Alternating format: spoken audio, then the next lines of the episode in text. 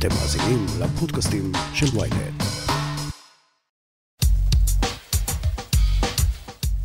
חנויות הסקס של היום הן לא חנויות הסקס של פעם. ממקומות אפלים שפנו לגברים חרמנים, הפכו חנויות המין למקומות צבעוניים, מוארים ונעימים לנשים. מי שנחשבות לחלוצות הז'אנר של חנויות אביזרי המין החדשות, הן דפנה קורן ואיילת דוד, שהקימו את סיסטרס, חנות לאביזרי מין, כבר בשנת 2004. סיסטרס עוצבה מיומה הראשון כחנות נעימה ומסבירת פנים, שפונה לנשים ומנוהלת על ידי נשים. בפרק מספר 18 של סקס אפיל, נשמע מאיילת כיצד השתנתה סצנת חנויות הסקס, מדוע שווה לכל אישה להחזיק ויברטור בבית, וטיפים למי שסקרנית אך מעולם לא התנסה.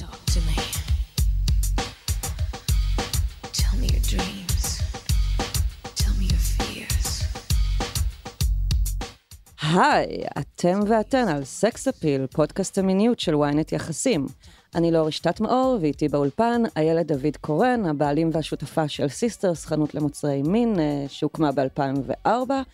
איילת, איזה כיף שאת פה, תודה רבה. תודה רבה לאורי על האירוח. בואי תספרי לנו קצת על ההחלטה להקים את סיסטרס ועל המהפכה בעצם שעשיתן בארץ. אה, אז הסיסטרס זה כשמה כן היא, היא סוג של sisterhood, בעצם איזושהי אה, אחוות נשים, איזשהו שיתוף ידע של, אה, שעומד מאחוריו בעצם הרעיון שאנחנו חושבות שאישה צריכה לעמוד אה, בראש חנות אה, לצעצועי מין, כיוון ש... אה, אנחנו יודעות שלמעלה מ-70% מהמוצרים בתעשייה מיועדים לנשים, אה, וגם אישה יכולה ככה לדעת אה, מה אישה אחרת מעוניינת בו, איך היא, איך היא תופסת את העניין של קוטר, עובי, חספוס. אה, דברים שהיא פחות יכולה לשאול מוכר זכר. נכון, נכון, או, או, או להתייעץ איתם, או, או אפילו אה, להעלות אה, חשקים ורצונות סמויים בפני גבר, זה קצת יותר בעייתי, בעוד שגם לאישה וגם לגבר הרבה יותר קל להיפתח לאישה. אה, מעבר לזה, הרעיון להקים את סיסטרס בא כחלופה נשית לז'אנר, כזו שתתפוס כל אישה כאינדיבידואל. אה, ותתייחס להתאמה המרבית הזו אה, בצורה הכי מקצועית שיש, אה, לא, לא ככה בסליזיות וחנויות אפופות. DVDs ומה שהיה ככה בזמנו כשהקמנו את סיסטרס. הקמתם את זה ב-2004 והיה, רוב החנויות מכרו בעצם סרטי פורנו בתקופה ההיא. נכון, התמקדו בסרטי פורנו והתמקדו בתאי צפייה ותאי הצצה והיה, פשוט הייתה הוויה גברית מאוד, פנייה לגברים בעיקר כקהל יעד, גם קהל יעד ככאלה שהם ירכשו עבור בנות הזוג את, ה, את המוצרים. ו... כך זה אה, הוצג. גם כל המוצרים היו אה, מעוצבים בצורה די פורנוגרפית, גם צעצועי מין, זאת אומרת, אני זוכרת שהיו שמים כזה נשים, אה, שחקניות פורנו בעטיפה. נכון, אז גם האריזות עצמם היו ככה מאוד זולות, מאוד פרובוקטיביות, לא בהכרח פונות לקהל נשי, אלא באמת לגברים שיקנו את זה עבור בנות זוגן, mm-hmm. ידמיינו כיצד בת הזוג אמורה להיראות, שזה ככה חינוך אה, לקוי עד היום אה, מבחינת עולם הפורנו. גם רוב החנויות אז היו אה, מעוצבות, זאת אומרת, מי שעיצב את הצעצועים גם היו גברים בעצם. נכון, המוצרים עצמם היו מאוד פאליים, מאוד גדולים, מחומרי גלם זולים, כאלו שאנחנו יודעות שממש מסוכן אפילו להכניס לגוף שלנו. אה, וואלה. ובאמת, חומרים שפולטים רעלים, או ממש ככה נקבוביות על פני השטח מיוזעות באריזת הפלסטיק. אנחנו חשבנו שצריך לשנות את כל הגישה הזו אה, באמת מוצרים אינטימיים שהם היגייניים, שהם בטוחים לשימוש, גם מבחינת הגימור של המוצר, mm. שלא יהיה פלסטיקה עם אה, זיזים כאלה חדים שיכולים לפצוע, mm. דברים שלא הייתה בהם מחשבה יתרה. לא הייתה מודעות בכלל. בכלל. לא הייתה מודעות, Mm. נכון. בעצם מי שכזה נתן לך את הרעיון היה בכלל אבא שלך. נכון, נכון. זה מצחיק. אה, דפנה ואני הגענו ממקומות שונים, מיבוא ומניהול. וחשבנו להקים עסק יחד ואת הרעיון ספציפית. את עבדת בהייטק גם, לא? נכון, נכון, בסטארט-אפ, אה, שבזמנו היה אה, פורץ דרך בתחומו, אבל אה, רק היום הגיע להצלחה דרך חברה אחרת בכלל. אבל בכל מקרה חשבנו ליצור איזשהו עסק משותף לנו כעצמאיות, ואת הרעיון ספציפית לחנות סקס הגה אבא שלי, מתוך איזושהי חשיבה שזה צריך להיות עסק רווחי. אה, הוא זיהה פוטנציאל עסקי בסוג העסקים האלה. נכון, נכון, היה לו ככה עסק אה, קיים כבר ליד העסק שלו, הוא היה אה, עצמאי. אה, הוא הציץ לחנות סקס אחרת, הוא אמר, אה, מה זה, הם היה מרוויחים לו הרבה כסף. חבר שניהל חנות, אה, מה- מגניב. חנות צעצועי מין, כן, Mm. באזור מפרץ חיפה, וככה אני במקור מאזור הקריות, והוא חשב שזה יכול מאוד להצליח. אה, אני פחות התחברתי לסגנון של החנות, אה, אבל כן התחברתי לרעיון. Mm. חשבתי שזה יכול להצליח מאוד עם שינוי תדמיתי משמעותי. אה, בפנייה לנשים אה, כקהל היעד ובני בנות זוגם כלומר אה, קודם כל שלאישה יהיה נוח להיכנס לחנות צעצועי מין והיחס שהיא תקבל והמקצועיות בהסבר שהיא תקבל והאפשרות לבחור באמת מגוון עצום של מוצרים שיתאים לכל אחת ואחת. ו... בעיצובים לא בהכרח פאליים מהמם. ובח- ועם חומרי גלם איכותיים והיג- והיגייניים. אה, ומפה לשם גם אה, שמיקום החנות יהיה מאוד נגיש, כזה שעל הדרך אני אוכל לרכוש את הקפה, ללכת לפדיקוריסטית ולקנות לי את הצעצוע המין שלי לסוף שבוע. אה, בגלל שבעבר ה- החנויות סקס היו ממוקמות אה, בכל מיני אה, אזורים, אה, אזורי תעשייה. נכון, בתחנה המרכזית הישנה, בת- באזורי תעשייה. מקומות שהם מאוד לא נעימים לנשים.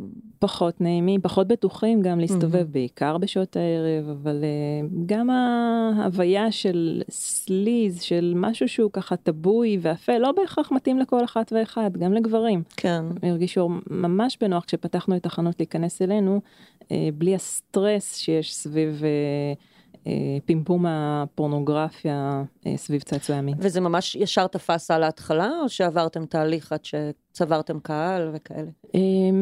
מהרגע שהיוודע שיש חלופה כזו נשית, אה, אז קיבלנו המון חשיפה במדיה, אה, המון אה, כבוד, המון מקום של פרסום לגיטימי, שיש אלטרנטיבה לקיים. אז אה, בהחלט היה סנונית טובה לתחום צעצועי המין בארץ וקיבלנו המון רספקט ונשים הגיעו ככה עם גזרי עיתון של. כתבות עלינו מקריית שמונה, מבאר שבע, מגניב. מאוד מרגש. יפה. ותגובות מהתעשייה עצמה בארץ? זאת אומרת, מוכרים הסתכלו עליכם באיזה חשדנות, או לגלגו עליכם? כאילו, כי זו בטח תעשייה נורא פטריארכלית, כי היא נוהלה על נכון. ידי גברים. וזה. נכון, אז אה, כולם ניסו למכור לנו דברים כמובן, וראו בנו כשתי נערות תמימות חמודות אה, אה, שאפשר ככה לעבוד עליהן. או משהו, איזשהי משהו שיחלוף ואיזשהו גימיק.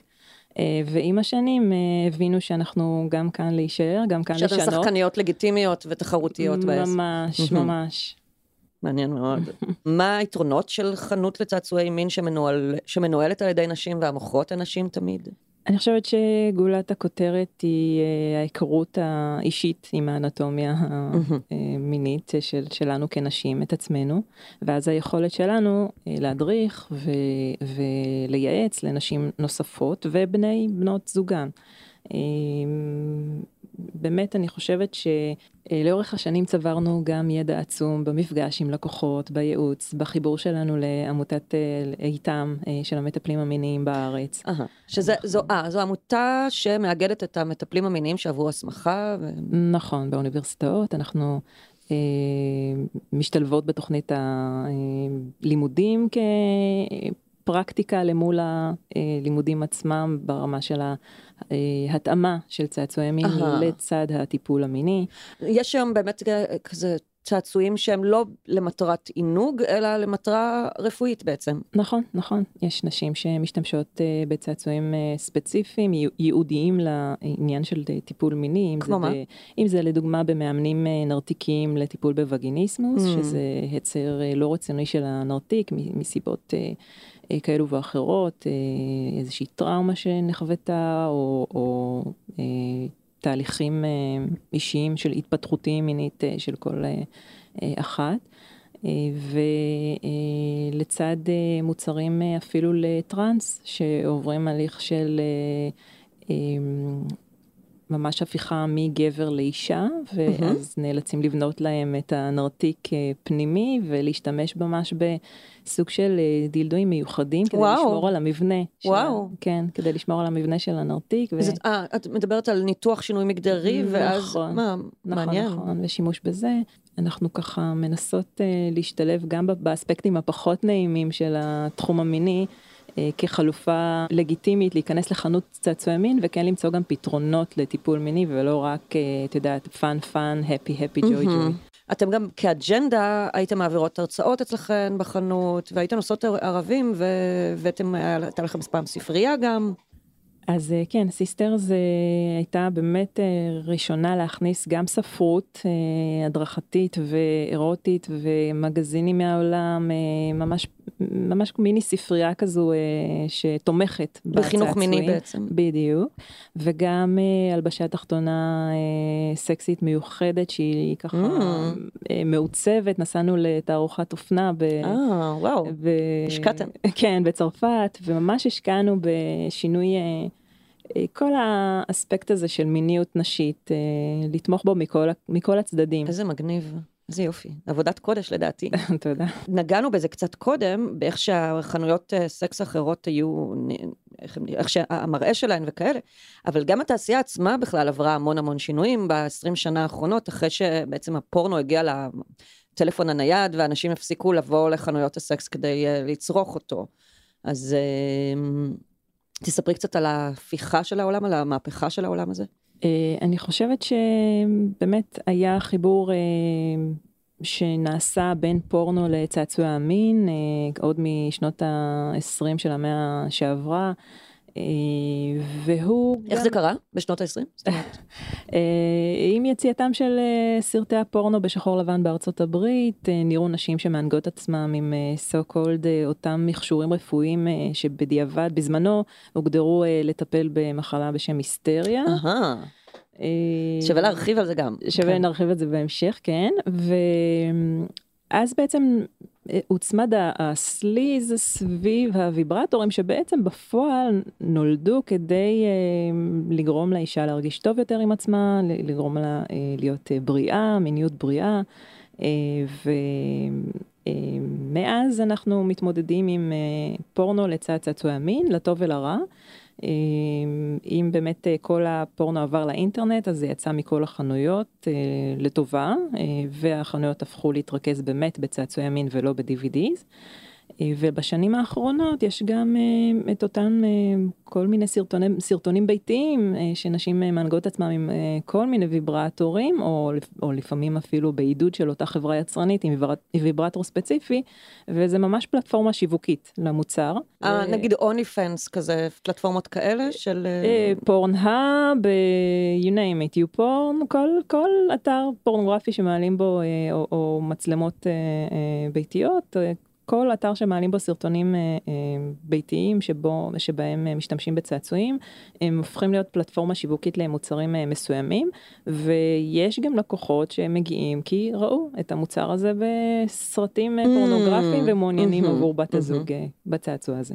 ואיך את מגיבה למצבים כאלה? תראי, אמ, סך הכל צריך אה, רק את ההסבר הזה שלא כל דבר שרואים על מישהי אחרת שהיא סופר נהנית ממנו בהכרח יתאים לבת הזוג שלך. זה חשוב נורא. ולא בהכרח התגובות הן מציאותיות לשימוש במוצר או מקבילות באמת לייעוד של המוצר, אבל אה, זה מבורך כשיש אה, ביקוש למוצרים מסוימים, אנחנו נהנות. יש, זה בעצם חלק ממכלול שלם של השינויים שעברה התעשייה, ממוצרים נורא נורא... שמיוצרים על ידי גברים ומעוצבים על ידי גברים למוצרים שמעוצבים על ידי נשים גם, מתוך הבנה שמבנה הווגינה הוא שונה מאישה לאישה, ולא כל מוצר שמתאים לאישה אחת מתאים לשנייה גם. נכון, נכון. יש היום מוצרים שהם לא ממוגדרים גם בכלל, ויש mm, מוצרים נכון. שדומים לסתם חיות, כאילו, כן. ודברים. אז באמת...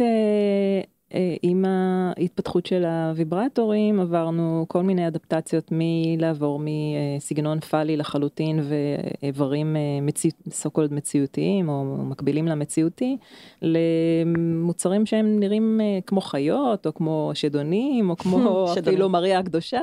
מריה הקדושה. כן, או ישו, כל מיני הלצות אה, כאלו ואחרות. ו...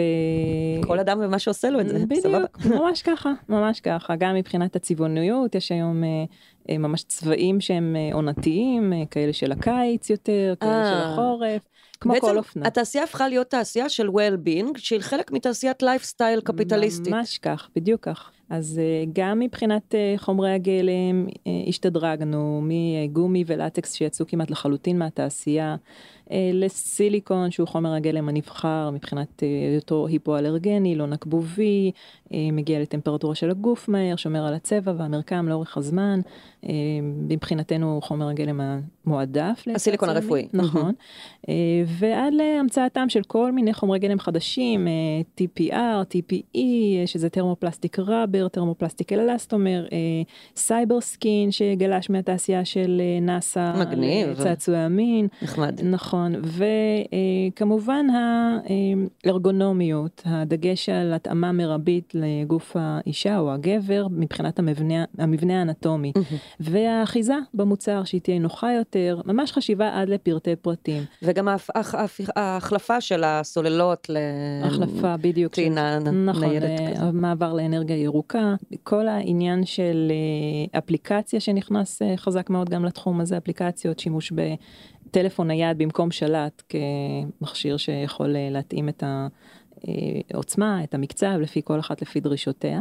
בעצם הצעצועים היום ממש עוקבים אחרי הבשורות החדשות בטכנולוגיה והולכים איתם יד ביד. נכון, לא בהכרח תמיד לטובה, נניח דיברת על המוצרים שהם אה, ככה אה, א-מגדריים, אין להם, אה, אז, אז זה לא לכאן ולא לכאן, כלומר יש משהו מאוד אה, הירואי בלהוציא צעצוע שהוא לא מיועד למגדר מסוים, אלא כביכול יכול לשרת כל אחד, כן, אבל all genders כזה. בדיוק, אבל בסופו של דבר, דווקא ההתאמה המרבית למבנה האנטומי יכולה לשרת את אותו אה, אדם או אותה אישה אה, בצורה הטובה ביותר. כלומר, ההנאה תהיה גדולה יותר, המיקוד יהיה מדויק יותר, וזה לא יהיה איזה משהו אמורפי שאמור לגעת איפשהו כאן או איפשהו שם. אה, מהמם. אה, באמת ככה. אז מהניסיון שלך זה דווקא צעצועים שהם פחות אה, מוצלחים? לדעת? נכון, נכון. אני מבין. והם צעצועים יותר אה, עם אה, גימיק או יותר עם אה, רעיון אה, אה, ככה של אה, אבירות ולעשות ככה שינוי בתחום, אבל לא בהכרח אה, מותאם אה, 100% ל... יש המון צביעות uh, בתעשייה היום, uh, שמצד אחד. הצעצועים האלה נחשבים לצעצועים שהם חלק מ-well-being, ויש, מוכרים אותם בסופר פארמים פתאום, רש... זה משהו שלא היה בעבר.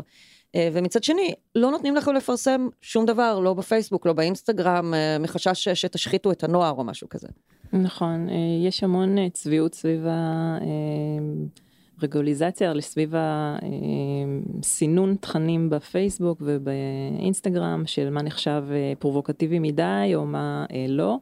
אה, את יודעת, את יכולה להיתקל אה, מול הפנים באיזושהי פרסומת בוטה לפטרת ציפורניים ככה עם כל ה... גועל נפש. גועל נפש מול הפרצוף. כן, ממש. אה, או אה, מעריך איבר, איבר לגבר, זה, זה בסדר, זה לגיטימי, אבל לא, ויברטור או מיניות נשית בריאה או well-being זה של, של, שקשור במיניות, הוא לא, כן.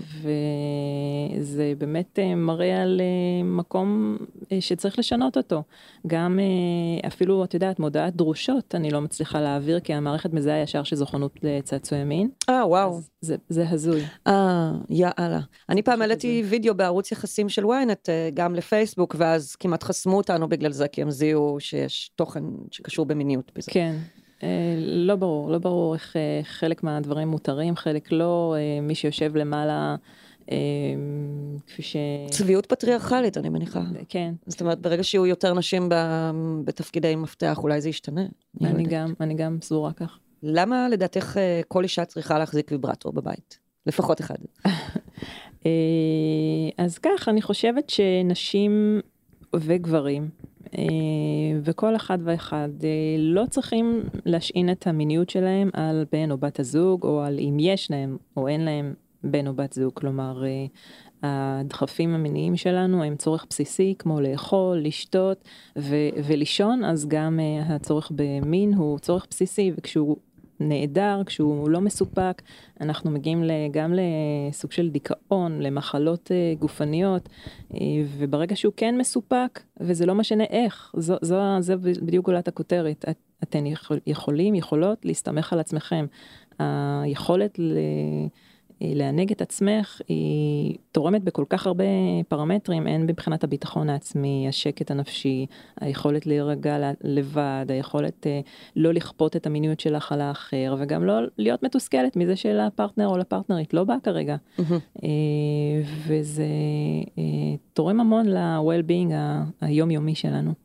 מה לגבי אה, מיתוסים או הפחדות ששימוש יתר בוויברטור עלול אה, להרוס את ההנאה או לפגוע בזוגיות? מה, מה תגידי על הדברים האלה? אני אומרת שבאמת זה מיתוס, אני אומרת שצעצוע לא יכול להחליף אדם.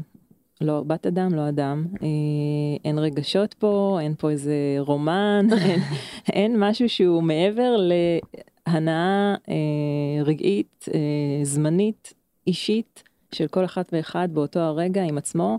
אה, פשוט במקום אה, לאונן עם היד, אז אני מאוננת עם ויברטור, זה היינו הך, אה, ואם אה, לבן זוג מותר, גם לבת הזוג מותר, אה, וזה לא מוריד באהבה, זה לא, לא, לא, לא תופס מקום, אני חושבת שגברים צריכים לתפוס את עצמם הרבה מעבר לאקט הזה של, של, של החדירה, או הרבה מהמם. מעבר לפין, כלומר הפין לא מגדיר אותך עבור בת הזוג. אה, והוויברטור לא מחליף גם את הפין, הוא פשוט בא לטבל, להוסיף תבלינים לחיי המין, גם אחרי שנים ארוכות של זוגיות אה, ממושכת, לפעמים פחות, ב, לפעמים אנחנו כבר מכירים אחד את השנייה או אחת את השנייה אה, כל כך הרבה שמשעמם לנו, משעמם לנו במיטה, עוד פעם אותה תנוחה, עוד פעם אותו גוף שאנחנו כבר מכירים לבוריו. אה, ופתאום הצעצועים הללו מביאים אה, נופח חדש, את האפשרות אה, להתנסות אפילו בתנוחות חדשות, בזוויות חדשות, בעוצמות שונות, ב... אפילו צבע שונה, אולי הגיע ככה לחנות מישהו שרצה, שאשתו רוצה לחוות פין שחור, או אה, משחקי תפקידים שאפשר ליצור עם אה, כל מיני מוצרי ה-BDSM בתחום, ולא בהכרח ללכת לקצה, לטבוי, אלא ככה את אותה נוצת דגדוג, את אותם משחקי חושים. אה, כל כך הרבה אפשרויות שפתוחות בפני אה, זוגות וגם בפן האישי, האיש, כלומר חקירה אישית של עצמך. אה, נשים שרוצות אה, יותר אה, לעשות את אזור הג'י במיוחד, אז זה מתאפשר הרבה יותר בצורה טובה עם אה, ויברטור, עם זווית מסוימת, עם עוצמה שהיא לא אה, משתנה לי אה, ברג, באותו רגע. בהתאם לעייפות של האדם הנותן. נכון, זה, זה יכול באמת להוסיף, זה יכול לשרת את אותו פרטנר, להוריד ממנו את הסטרס, להוריד את הלחץ לסיפוק של בת הזוג, אה, או לחילופין, לאפשר לאותה בת זוג ליהנות מכמה וכמה אורגזמות במהלך אה, קיום יחסי המין, מבלי להתעייף ומבלי אה, להגיע למצב של numb, כלומר אה, שקצות העצבים כבר לא מרגישים כלום. אה, כל כך הרבה אפשרויות טמונות בשימוש בצעצועים, אה, שזה תורם המון. ולשאלה שלך, האם זה נניח אה, יכול גם... אה, אולי להוריד את הרגישות, או פתאום כן, אה, שימוש יתר, בעיה, בדיוק. כן, יש בכך איזושהי אמת, הרמה של הגירוי צריכה להיות גבוהה יותר על מנת להגיע לאורגזמה. כן. אבל זה לא בלתי הפיך. אהה. כלומר, צריך לעשות איזושהי הפסקה עם הצעצועים, לאפשר לעצמך אה, לחזור לאיזשהו גירוי אה, עדין יותר, ידני או אוראלי, אה, או על ידי זרם מים, איך כל אחת איך שהיא נוהגת לענג את עצמה, אה, ולנסות להתרגל ככה לתדירות נמוכה יותר, וזה חוזר לעצמו. עד שהיא לא מאפסת. את זה. כן, מהמם. בדיוק. מגניב. יחד עם זאת, אם מישהי רגילה לאינטנסיביות גבוהה, ורק כך היא מצליחה להגיע לאורגזמה, לא צריכה להתבייש, וצריכה להכניס את אותו צעצוע לתוך הזוגיות שלה, ולהכיר אותו לפרטנר או פרטנרית שלה בתור אה, משהו שרק ככה היא מגיעה לאורגזמה, אה, וזה לא קשור לפרטנר או לפרטנרית, זה Mhm. פשוט אה, הדרך שלה ליהנות. אה, אני בטוחה שכל אה, מי שאוהב, אוהבת אותה, אה, יתחבר או תתחבר למקום שבו היא רוצה שיהיה לה הכי טוב. לגמרי. אנשים נוטים לחשוב שוויברטור הוא איזו המצאה של המאה השנים האחרונות, אבל היא הולך, הולך איתנו כזה שנים אחורה. את נכון. סיפרת לי קודם בשיחה מקדימה שאפילו יש אזכורים בתנ"ך נכון. לוויברטורים הראשונים. נכון. בעצם לדילדו ראשון או משהו? כן, אז, אז נכון, אז המילה דילדו היא אה, מילה יוונית, היא ככה יותר מאוחרת בהתפתחות של הצעצועי המין, אה, מהאוליסבוס, מיוון, אבל אה, אם נחקור ככה את התנ"ך, אז בספר יחזקאל, פסוק, פרק ט"ז, פסוק י"ז, אה, מופיע אזכור לצלם זכר שאיתו אה, בעצם מקיימים אה, יחסי מין. זה... אמנם תוכחה, אמנם תוכחה של יחזקאל עם ישראל, אבל בואי נתעלם מהטוב או רע, האזכור קיים, כתוב שם, ותיקחי כלי תפארתך מזהבי ומכספי אשר נתתי לך, ותעשי לך צלמי זכר ותזני בם. אה, תזני בהם, אני אוהבת. נכון, כן, תשמעי, זה קיים, זו עדות, זה לא בהכרח, אני לא, לא נכנסת לאינטרפטציות, אבל זו עדות שזה קיים כבר כן. מימי התנ"ך, כן. העניין הזה, זה משהו עתיק יומין, הולך איתנו לאורך ההיסטוריה, בכל מיני אדפטציות ושינויים, באמת כמובן בתחילה, בתחילה עם אה, אור של חיות, מגילוף אה, עץ, מאבן, אה, לאחר מכן משנהב, וכל מיני אה, מעריכי איבר לאורך ההיסטוריה, המצאות לקוקרינגים. אה, אה, לגברים, אה, ממש... המצאות לקוקרינגים. כן, כלומר, אותן טבעות לחיזוק בעת הזקפה. העתיקה? בעת Mm. העתיקה, ממש אה, 300 שנה לספירה בס- בסין, אה, שימוש אה, מזעזע בעפעפי אה, עיזים אה, כקוקרינג. והריסים עצמם כטיקלר לדגדגן. וואו. אה, כן, לא בהכרח אה, דברים שהיינו רוצים להמשיך היום, היום כמובן זה מיוצר אה, מחומרים אחרים. לא. אבל זה מאוד יצירתי לחשוב על זה, מה אנחנו יכולים להפיק מהחיה, ואיך אנחנו משלבים את זה במיטה שלנו, זה מוזר. כן, מאוד. והיום אנחנו כבר כמובן אחרי אלפיים שנה אחרי אותה so called מחלה היסטריה שדיברנו עליה, שהומצאה על ידי היפוקרטס, אותו רופא מערבי ראשון, ששבועת הרופאים אה, שלו מתנוססת בקליניקות עד ימינו. על אה, אל תזיק, נכון? משהו כזה. כן, לא, לא, לטפל אה, בחמלה ולהקדיש את כולך לטיפול במטופל ולא להזיק ולא אז הוא היה הראשון שהגה את המילה היסטריה, היסטריה? אותה מחלה בעצם שכביכול, אה, בעצם זאת מילה יוונית שהפרשנות שלה, המשמעות שלה היא רחם. נכון, היסטר זה רחם ותיאור של הרחם שנודד במעלה החזה עד וגורם עד לחנק לאישה ונגרם בעצם מיובש נוזלים והפתרון שלו היה הריון באותה עת, אנחנו מדברות על 400 שנה לפני הספירה. וואו. וזו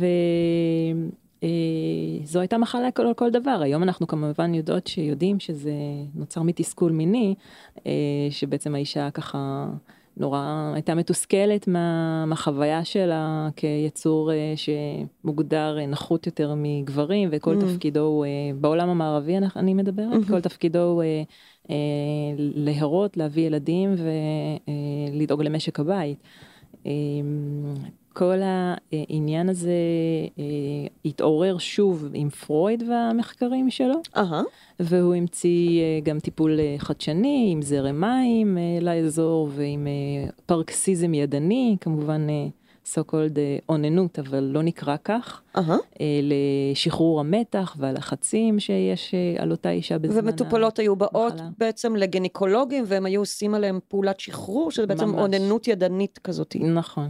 יש את הקומדיה הרומנטית היסטריה, שמראה את הממציא של הוויברטור הראשון, דוקטור ג'וזף מורטימור גרנדוויל הבריטי, אבל לפניו היה גם את ג'ורג' טיילור, שהוא היה בעצם אבי המהפכה התעשייתית בארצות הברית, בימי המהפכה התעשייתית כבר המציאו את הקיטור, אה, והוא המציא איזה סוג של fucking machine כזה. וואו. כן, שעובד על קיטור, מאוד מסורבל וגדול, לא צבר הצלחה, אה, היה מסורבל מאוד ולא הצליח בקליניקות אה, לטיפול אה, בהיסטריה.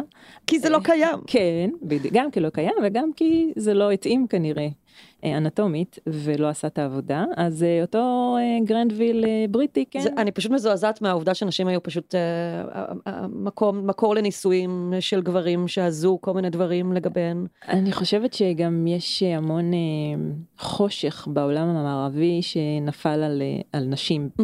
אה, מהיותנו אלות הפכנו למכשפות אה, לאורך ההיסטוריה. ו...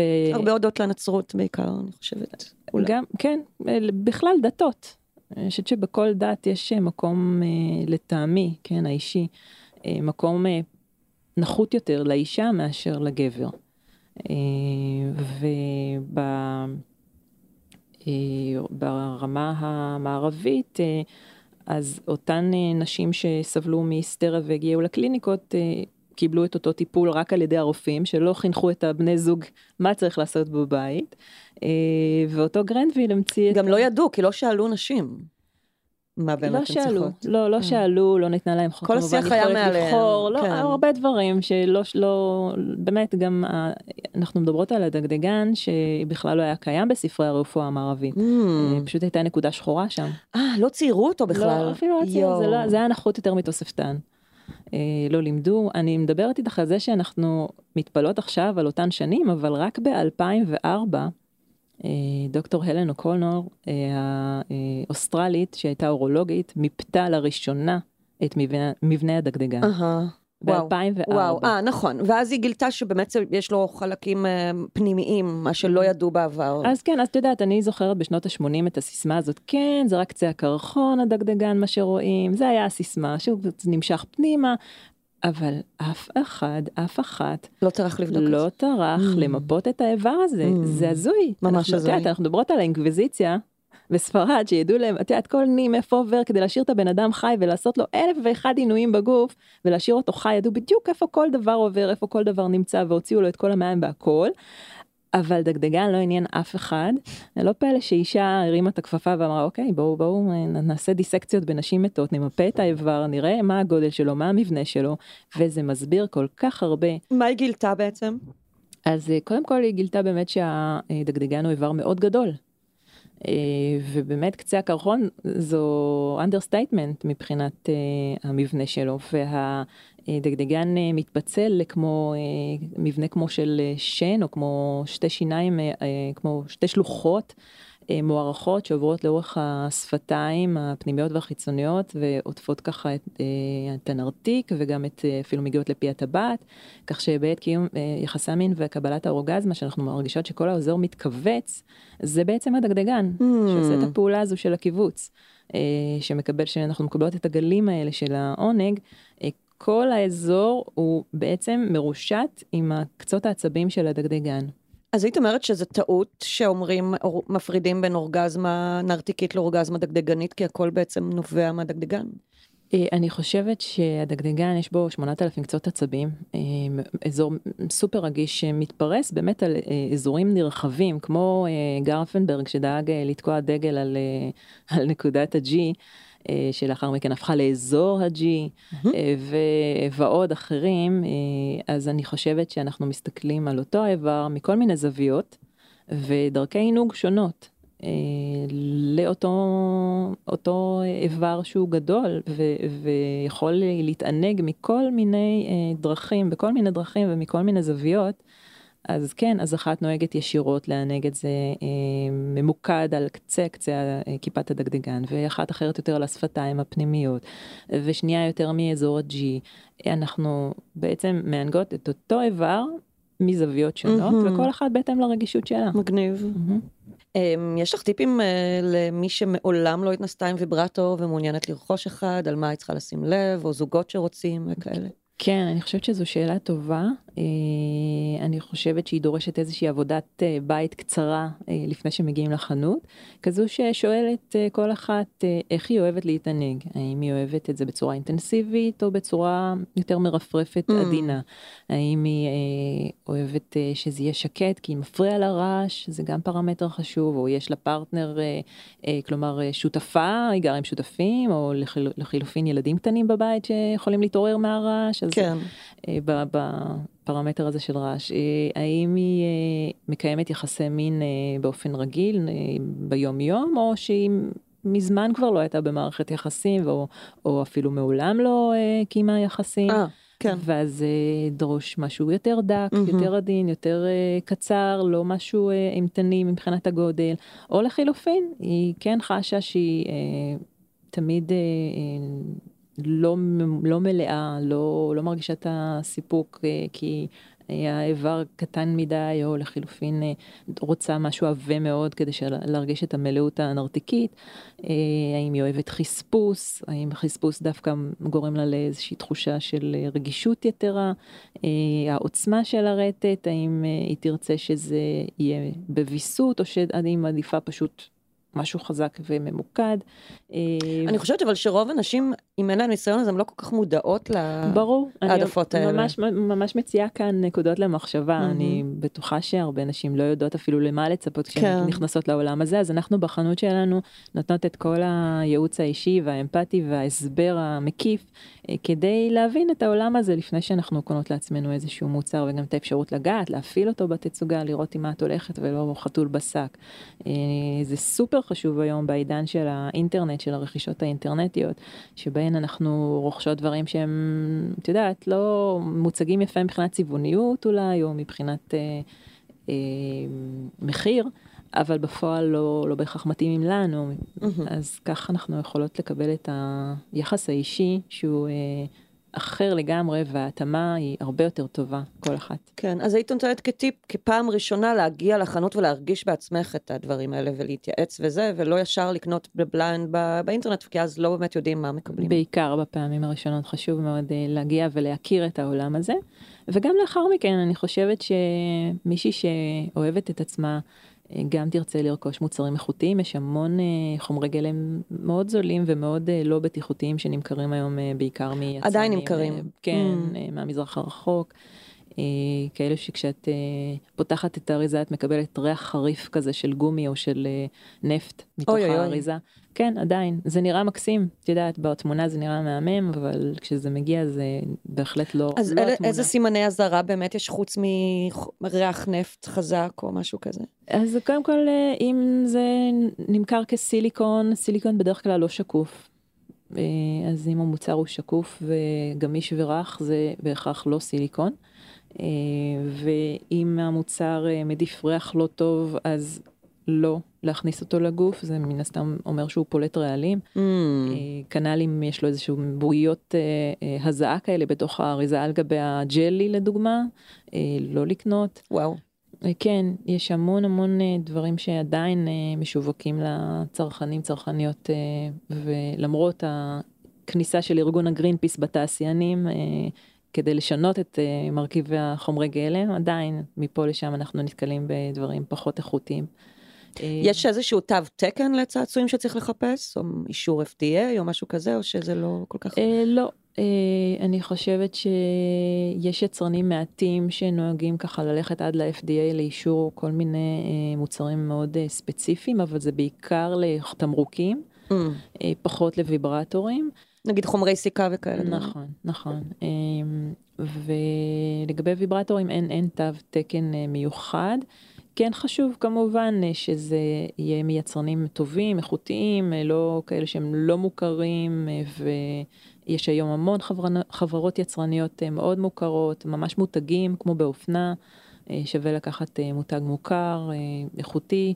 וגם להשקיע, אם יש שני מוצרים שהם נראים בדיוק אותו דבר, ואחד מציע עוד פיצ'ר או שניים וגם אולי חומר גלם קצת יותר טוב ועולה קצת יותר, תשקיעי בעצמך. אם את משקיעה בבגד ובתיק ובנעליים, אה, תשקיעי במיניות בייחוד שלך. אם את הולכת להחדיר את זה לווגינה שלך, אז כנראה ממש, צריכה לכבד ממש. את האיבר גוף שלך. נכון, נכון, נכון. וזה חלק מההנאה המינית, ובריאות מינית, אה, זה באמת לדעת איזה חומרים אנחנו מכניסות. נכון. לאן, אה, מה, מה את חושבת על העתיד של התעשייה הזאת? לאן אנחנו הולכות מפה? צעצועים שאולי יהיו בשנים הקרובות, או דברים שנראה לך? אה, אנחנו עדות, עדים היום לשינויים גלובליים ברמת המעורבות החברתית, בגלל הקורונה, בגלל אה, תהליכים אחרים שעוברים עלינו, אה, שמשנים את ה... אה, את ההתערות החברתית שלנו גם כזוגות, המון אה, long distance relationship, המון אה, אה, ריחוק חברתי שמשפיע על ה, גם על השימוש של, של הצעצועים, כלומר אה, המון פיצ'רים של אה, הפעלה מרחוק, אה, המון אה, אה, שינויים ברמה של אה, פתאום אה, אנשים מוצאים עצמם לבד ומחפשים אה, פורקן מיני. אה, ואז אה, כן. ממש אה, הפיכה של אותן אה, בובות מין להכי ריאליסטיות אה, שיכולות להיות, אה, כאלה שבמזרח הרחוק או בארצות אה, סקנדינביה צוברות אה, הצלחה מאוד אה, גדולה אה, אה, אצל וואלה. גברים אה, בודדים. לא, כן. זה לא הבובות המתנפחות של פעם, זה דברים לא. שנראים, זה- הם כמעט רובוטים. בעצם. ממש, זה ממש רובוטים. אה, יש המון אה, פיתוח היום בימינו על אה, ממש רובוטיקה אה, אנושית כזו, שתיתן אה, פתרון אה, לאנשים שגרים לבד, או חיים לבד, או לא רוצים, או אפילו גם לא מסוגלים אה, להתערות חברתית מרוב הריחוק החברתי. Mm. חוששים אפילו וואלה. מהחשיפה. אני חושבת שחנויות אה, צעצועי המין לא ייעלמו לחלוטין, הרכישה האינטרנטית אה, בסופו של דבר היא תמיד תהיה לצד, כלומר יש קהל יעד שהוא בעיקר רוכש באינטרנט ויש קהל יעד שהוא בעיקר אוהב להגיע לחנויות. כן. אני חושבת שאם יש ויהיו חנויות שייתנו את אותן אה, פתרונות אה, נעימים, אותם פתרונות מקצועיים ואותם, אה, נגישות לבית, להגיע פיזית, לרכוש את המוצר, תמיד תהיה להם הצלחה. יש היום גם עולם של צעצועים לבעלי מוגבלויות שלא היה בעבר. נכון. ובטח גם מתפתח כזה ממש, בעתיד. כן, אז דיברנו על ארגונומיה והתאמה מרבית, אז גם פתרונות לאנשים עם צרכים אה, מיוחדים מקבלים היום אה, מענה בעידן אה, כזה שבו אנחנו דואגים לרווחה של כולם, והטיפול המיני תופס תאוצה, כזה שאנשים מבינים שיש פתרון ויש אפשרות לגשת לטפל, אז נדנדות מיוחדות או הרסלים מיוחדים לנכים, בעלי נכויות, או כפתורים גדולים במיוחד. יש בארץ ארגון מגניב. שנקרא מלבט. אוקיי. אה, שמנגיש אה, הכל לאנשים עם אה, צרכים Mm, מיוחדים. טוב לדעת, ממש. נחמד. והוא הציע בזמנו גם שיתוף פעולה, או איך אפשר להביא באמת ויברטורים וליצור להם אדפטציה ממש מכוונת מבחינת המיקום של הכפתור, מבחינת האפשרות להפעיל אותו, העוצמה, כן, על ידי אנשים בעלי מוגבלויות, זה מקסים. איילת דוד קורן, נעמת לי מאוד. תודה רבה. תודה, תודה רבה לאורי. עד כאן, עוד פרק של סקס אפיל. אפשר להאזין לפרקים נוספים שלנו בוויינט, ספוטיפיי, גוגל, אפל, או בכל מקום אחר שבו אתם שומעים ושומעות את הפודקאסטים שלכם. העורך שלנו הוא רון טוביה, בצוות שחר ברקת וערן רחמני. אני לאור רשתת מאור, תודה רבה, ונתראה בפרק הבא.